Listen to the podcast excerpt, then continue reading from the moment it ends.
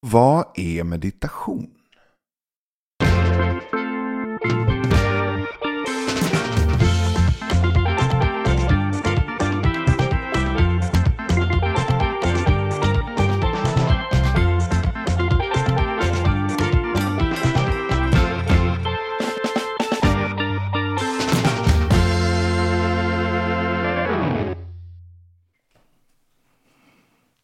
Man ska komma ihåg att allt jag kommer att säga här idag är meditation utifrån det jag har lärt mig. Och det behöver inte överhuvudtaget vara så att jag säger att det någon annan har lärt sig inte är meditation. Därför att det är ett väldigt stort begrepp. Men om man skulle, det kanske kan vara en bra start tänker jag. Att man kan lite titta på det semantiskt. Um, vi pratade ju lite innan här om språk. Och tittar man på till exempel vad meditation, det ord man oftast använder för meditation på tibetanska, tibetansk buddhism, så är det ett ord som heter gom, gomgyap, verbet gomgyap. Och det betyder att bli bekant med något, bli, bli familjär med någonting. Att lära känna något. Och tittar man på sanskritordet för detsamma så är det bhavana, vilket betyder att kultivera eller att odla någonting. Så orden säger liksom att vi ska lära känna någonting och vi ska såklart lära känna vårt eget sinne. Hur det är strukturerat och hur det fungerar och hur det kan eh, användas på bästa möjliga sätt. Och babbarna att odla och kultivera, där, där kan jag känna att det går ihop. För att vad vi ska odla är saker som leder till gott och leder oss bort från friktion och lidande. Det var hela, eh, om man tittar på eh, Siddhartha Gautamas, eh, senare känd som Buddha, hela hans eh, frågeställning eh, kan man säga när han, när han undersökte olika typer av yoga, olika typer av meditation som ledde honom fram till den här medelvägen han valde att bli fri från lidande. Och sen tänker jag att idag kanske lidandet är något helt annat. Och man kan ju, kan ju säga liksom då att ja men det verkar mest som meditation är att sänka lite stress och så här.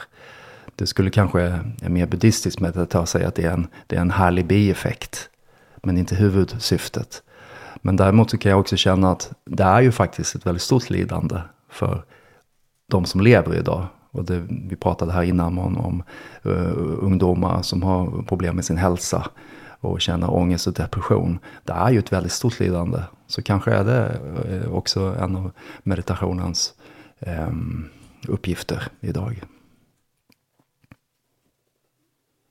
Om gomgyap mm. betyder att bli bekant med något. Mm.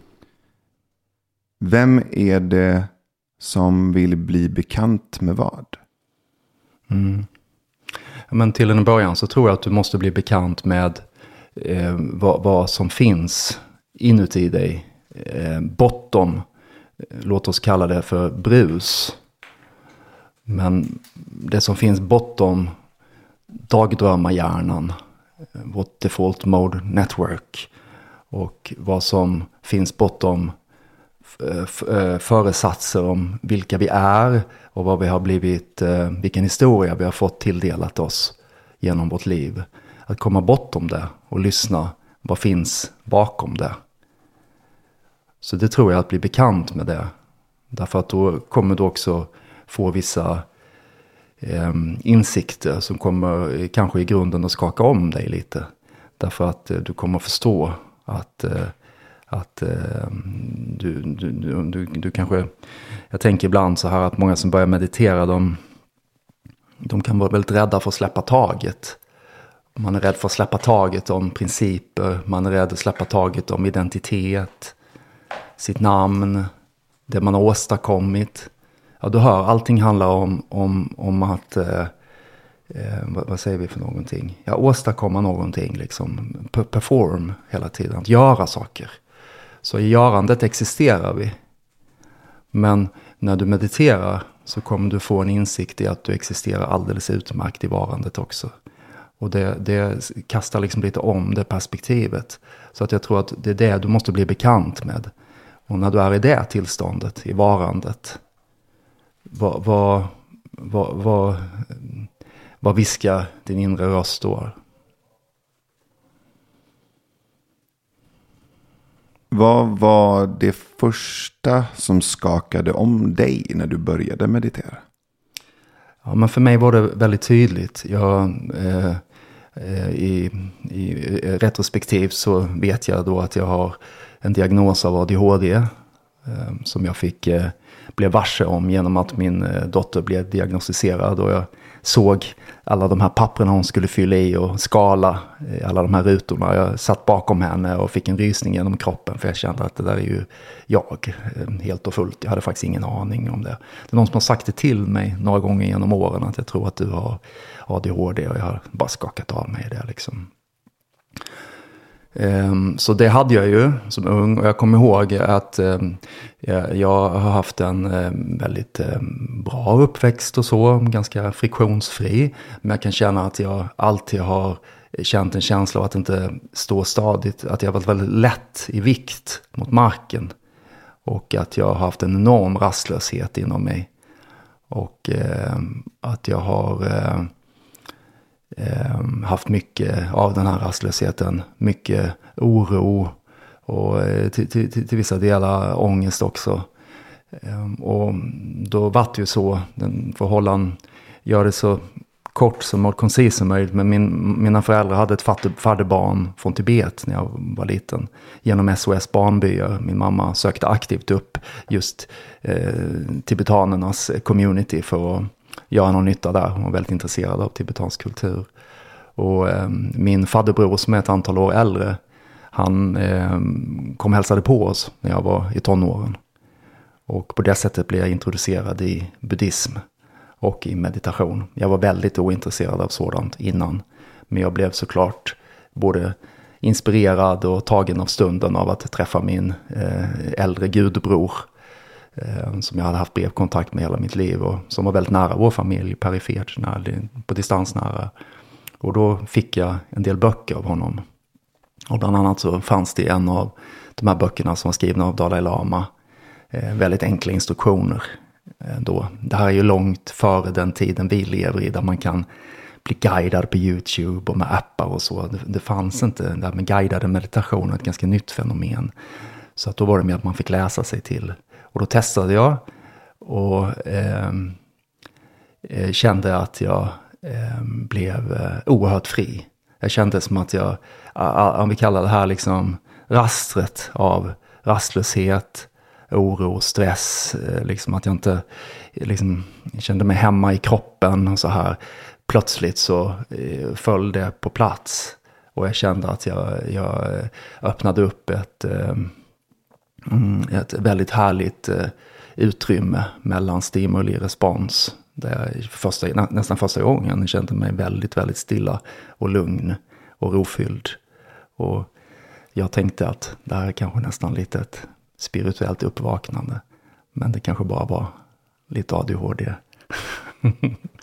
Som jag första gången i mitt liv. Jag brukar tänka så här, du vet, de här nätverken är ju antikorrelerande. Så det jag nämnde tidigare med Default Mode Network, det är ju um, när vi inte gör någonting, när vi ligger på soffan och tänker att nu ligger jag och myser lite.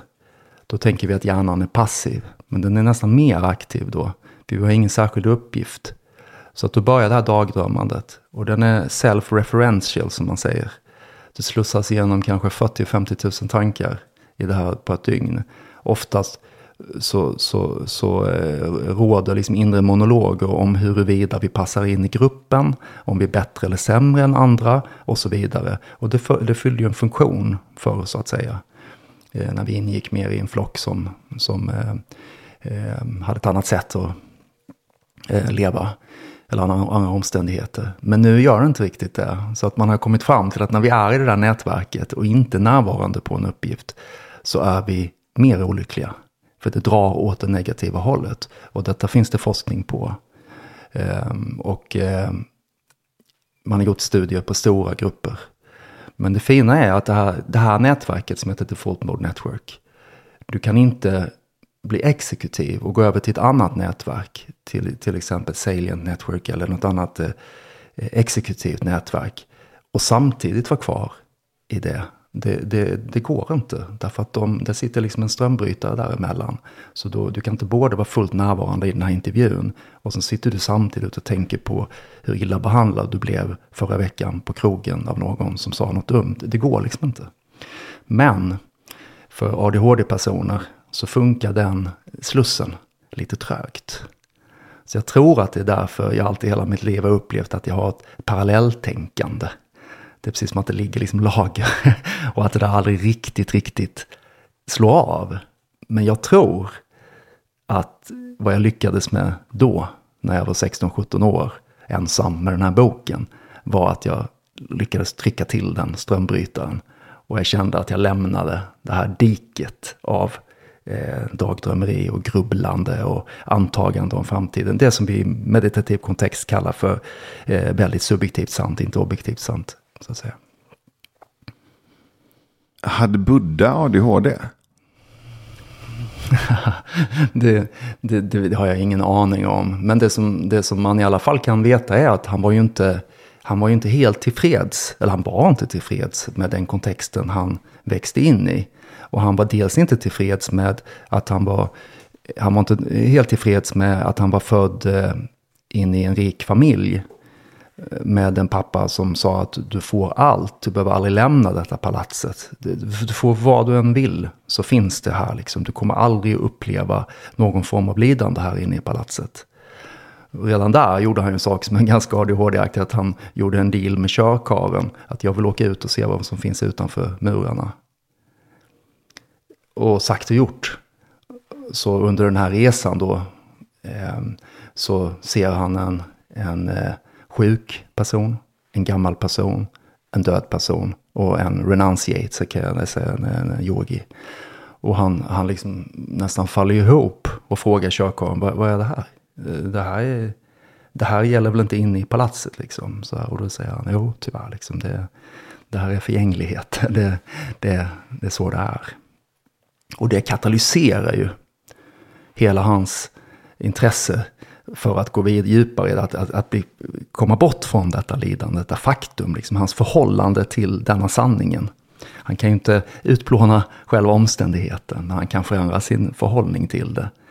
Så han lämnar ju palatset. Redan där så är det ju återigen ett sätt att man rör sig bort från någonting. Man vill utforska vad som finns. Och sen utforskar han ju även då, då det, det, den verklighet han kommer ut till precis som jag sa att han såg en renunciate, det är ju en, en eh, hinduisk vedisk kontext.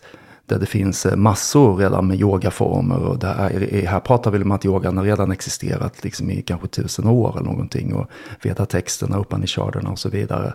Så att han kommer ju rakt in i ett sånt sammanhang där det finns begreppet moksha, upplysning och så vidare. Och meditation och yoga.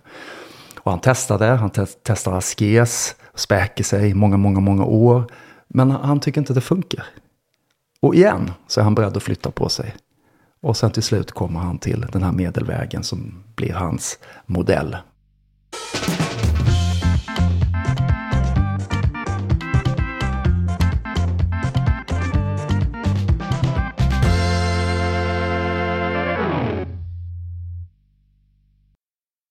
Hur gör du när du gör meditation? Eh, rent eh, både yttre och inre. Ja.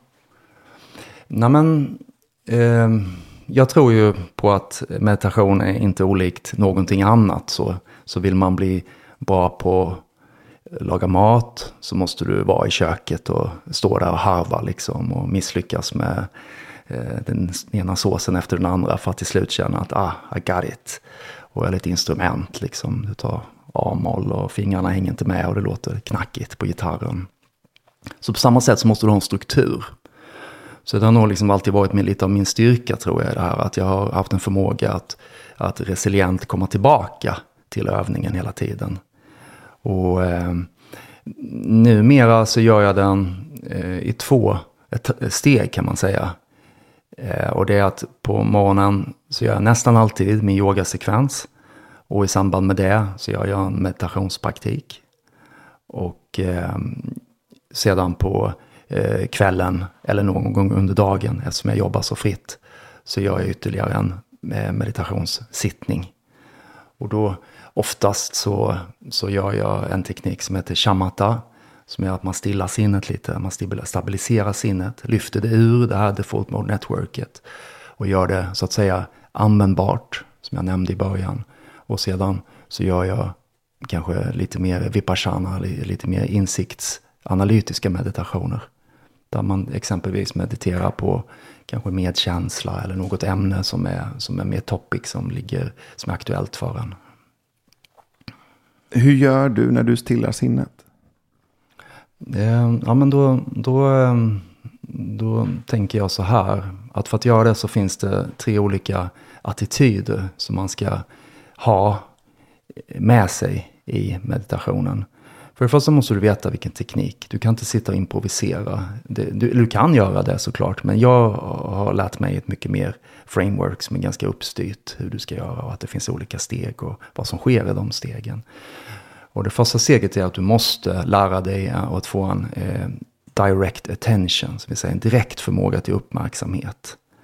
Så att istället för att jag tar in liksom allt i det här rummet nu så flyttar jag uppmärksamheten till en sak. Men den missförstås ofta därför att mindfulness har två komponenter. Den har direct attention och den har också perifer medvetenhet. Så till exempel om du tittar på mig nu så ser du mig och du, du kommer känna att kanske 70-80% ligger i, i ditt seende av mig. Men det är inte så att du inte ser resten av rummet. Skulle det komma in någon här fort springande nu så skulle din amygdala slå på direkt. Det är perifer medvetenhet. Så, så, så i meditation, du stänger inte ner någonting. Det handlar inte om det. Däremot så klistrar du inte fast vid saker. Om du märker att den där 70-80% uppmärksamheten som var på mig börjar flytta över till den där stolen borta i rummet. Då, då har du tappat din mindfulness. Och den kan sen i nästa steg bli längre och längre och längre och mer samman med kontinuum. Så, så det är den första delen du behöver ha. Andra delen är att du måste ha någon metod att kunna slappna av lite. För det är väldigt svårt att meditera med, med spänningar i kroppen. Det känns som att springa i motvind. Så, så, så då använder jag antingen enkla andningsövningar eller någon yogisk övning.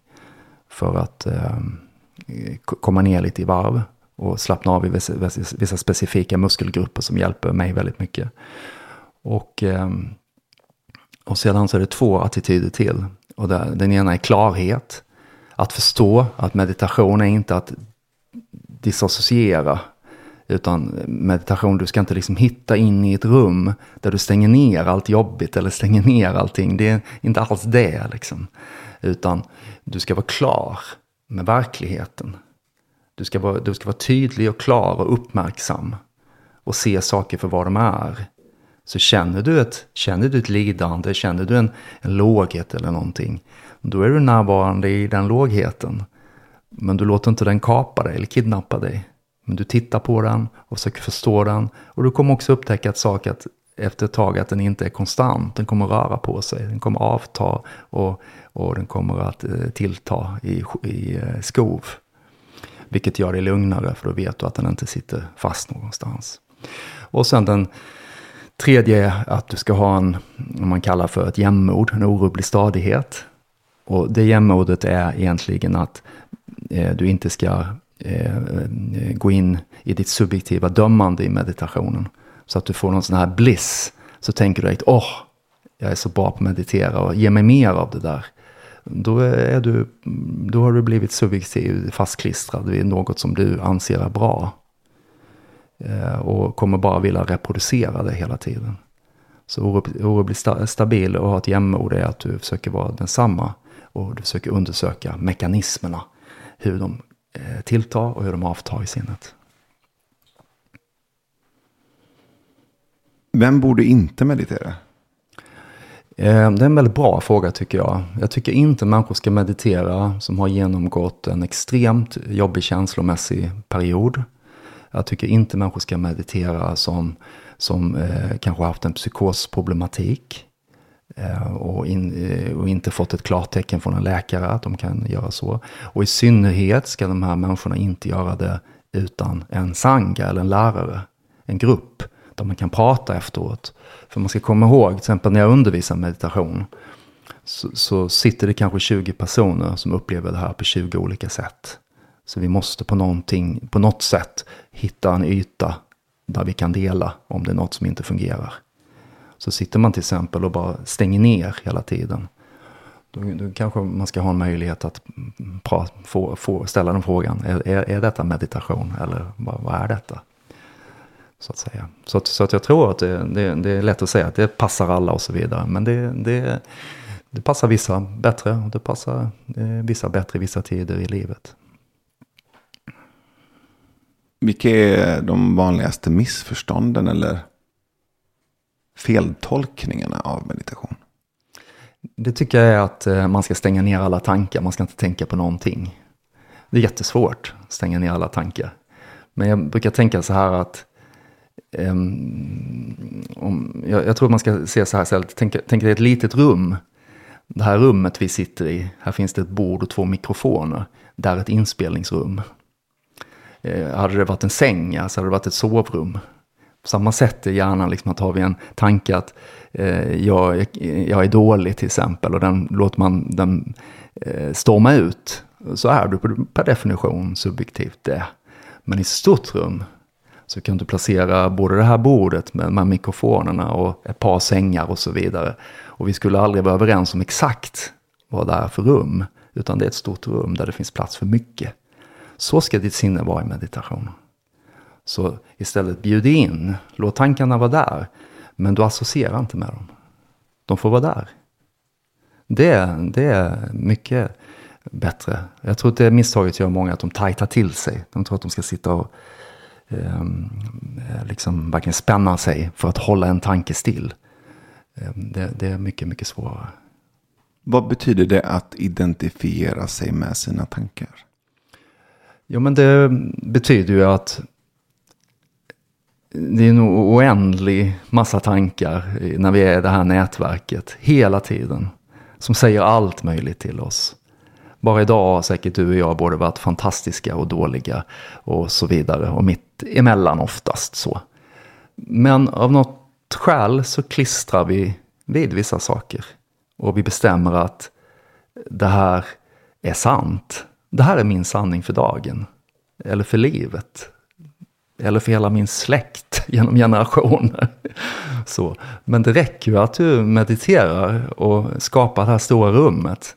Så kommer du förstå att tanken har inget fäste. Det är inte så att den sitter fast på ett speciellt ställe och inte kan låtsas. Den är inte häktad vid någonting. Utan du kommer känna att den tilltar och den tar form igen, fast på ett nytt sätt. Men om du inte ger den massa bränsle, om du inte står och kastar in ved hela tiden i elden, så kommer den att bli mer en glöd som går att leva med. Så. Och då blir du mindre fast i dina principer. Vilket är väldigt bra tror jag. Vad tror du att det är i det icke-meditativa som gör att vi klistrar fast oss vid våra tankar? Jag tror det, jag tror det är att vi, vi har en sån stenhård syn på ett eh, existerande jag med stort J. Eh, och att det måste hela tiden eh, överleva och det måste växa och det måste eh, få det som det här subjektiva jaget anser att det är värt. Så, men i buddhismen så börjar man även titta på det jaget. Och det är mycket riktigt existerade, så jag inte förvirrar någon, som referenspunkt. Men tittar du djupare med den meditativa luppen så skulle man mer säga att det är en väv. Saker går in och ur varandra. Och, och eh, vi ska vara försiktiga med att tro att det är en statisk, statisk kärna så att säga. Det skriver inte buddhisterna under på. Vilken del av jagets klistrande med tankarna är det som skapar lidande, tror du? Eh, vad sa du? Vilken del av? Jagets klistrande till tankar som skapar lidande. På vilket sätt uppstår lidande ur att jaget försöker klistra ihop sig med sina tankar? Mm.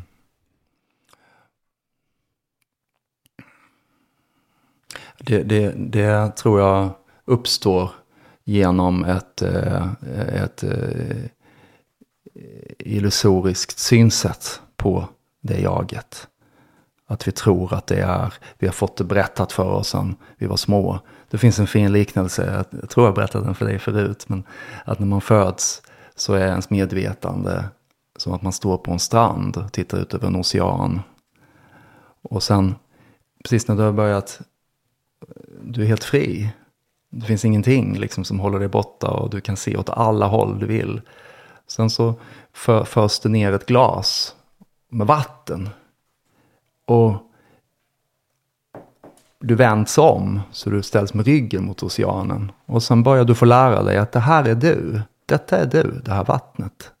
Var rädd om det. Du måste akta dig, försvara det. Det här är, bär vårt familjs namn. Det bär vårt rykte. Det bär allting. Och sen plötsligt börjar det här glaset skaka. Så att det börjar bli lite grumligt och du kan nästan inte se klart igenom det. Men eh, synsättet här är att sakta lära dig genom mindfulness meditation att hålla glaset stilla först. Och sen sakta börja bekanta dig med upplevelsen att vända dig om tillbaka mot oceanen. Och kanske börja droppa i vattnet igen. Och det är precis så man upplever din meditation. Att du är mer än, än föreställningen om den kärnan som du kallar ditt jag. Så vad är meditation egentligen? Hej på er. Det här är rektor Ström som talar. Jag hoppas att lektionen i meditation med Magnus varit fridfullt inlyssnande efter den riktigt djupa nyfikenheten inom dig. Om du vill lära dig mer om meditation med Magnus går du in på www.patreon.com nyfikna idioter. Där hittar du också fortsättningen på de andra kurserna på institutet. Och med det önskar jag dig en fortsatt fridfull, nyfiken dag. Hälsningar, Rektor Ström.